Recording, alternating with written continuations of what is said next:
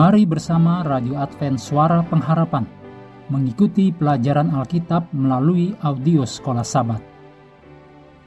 Shalom bagi semua sahabat pendengar. Kabar baik bahwa kisah dan kesaksian terkait siaran dan pelayanan AWR Indonesia kini dapat diikuti secara berkala, baik melalui siaran harian Radio Advent Suara Pengharapan setiap minggu kedua dan keempat juga melalui YouTube dan Facebook AWR Indonesia.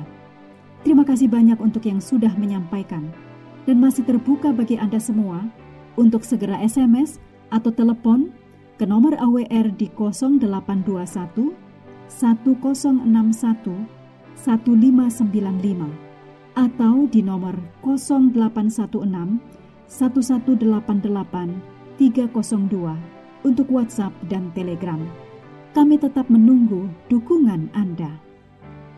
Selanjutnya kita masuk untuk hari Senin tanggal 8 Agustus. Judulnya Siapakah Bapa Kita? Mari kita mulai dengan doa singkat yang didasarkan dari Roma 15 ayat 13.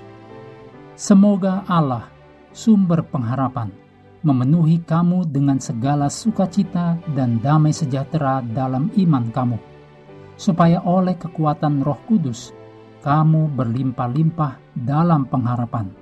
Amin.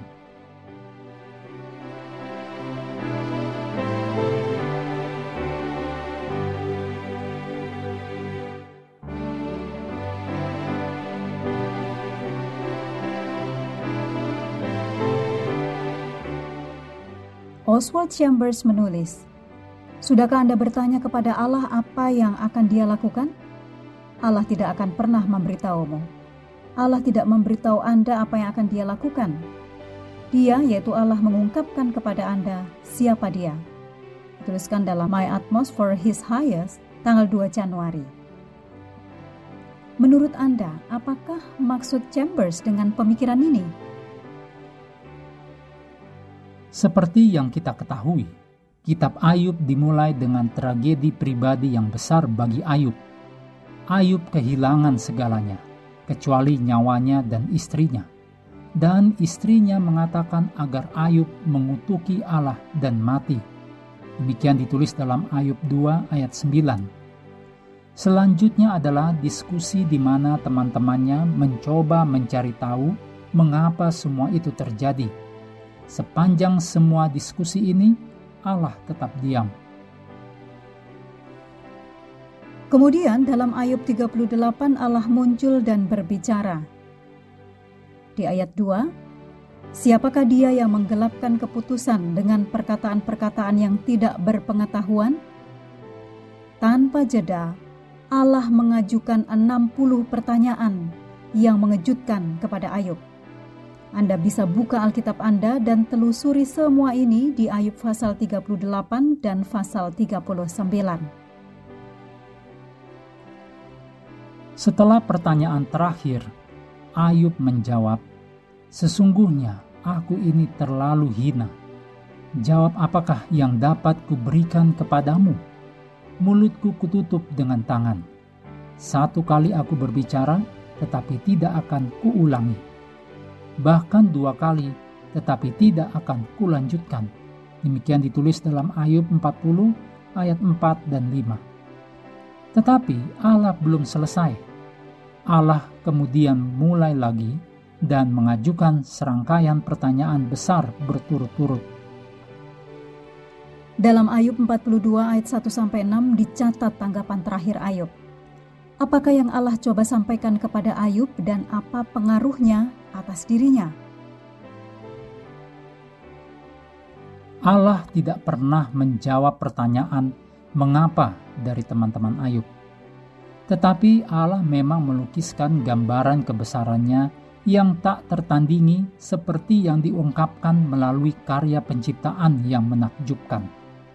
Setelah ini, Ayub tentu tidak membutuhkan jawaban apa pun kebutuhan akan penjelasan telah dikalahkan oleh gambaran yang luar biasa tentang keagungan Allah. Kisah ini mengungkapkan paradoks yang menarik. Pengharapan dan dorongan dapat muncul dari kesadaran di waktu mana kita hanya tahu sedikit Secara naluriah, kita mencoba menemukan kenyamanan dengan mengetahui segalanya, sehingga kita menjadi putus asa ketika kita tidak dapat mengetahuinya. Tetapi terkadang Allah menyoroti ketidaktahuan kita, sehingga dengan itu kita boleh menyadari bahwa pengharapan manusia hanya aman dalam oknum yang jauh lebih besar daripada diri kita sendiri. Apakah hal-hal yang tidak dapat Anda pahami yang sedang terjadi sekarang? Jika demikian, fokuslah pada karakter Allah. Dengan melakukan hal itu, dapat memberi Anda pengharapan bahwa Anda perlu bertahan melalui apa yang saat ini tidak dapat dipahami.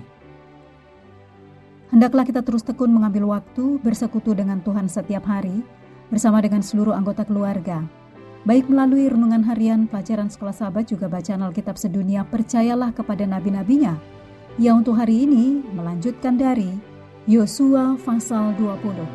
Tuhan memberkati kita semua.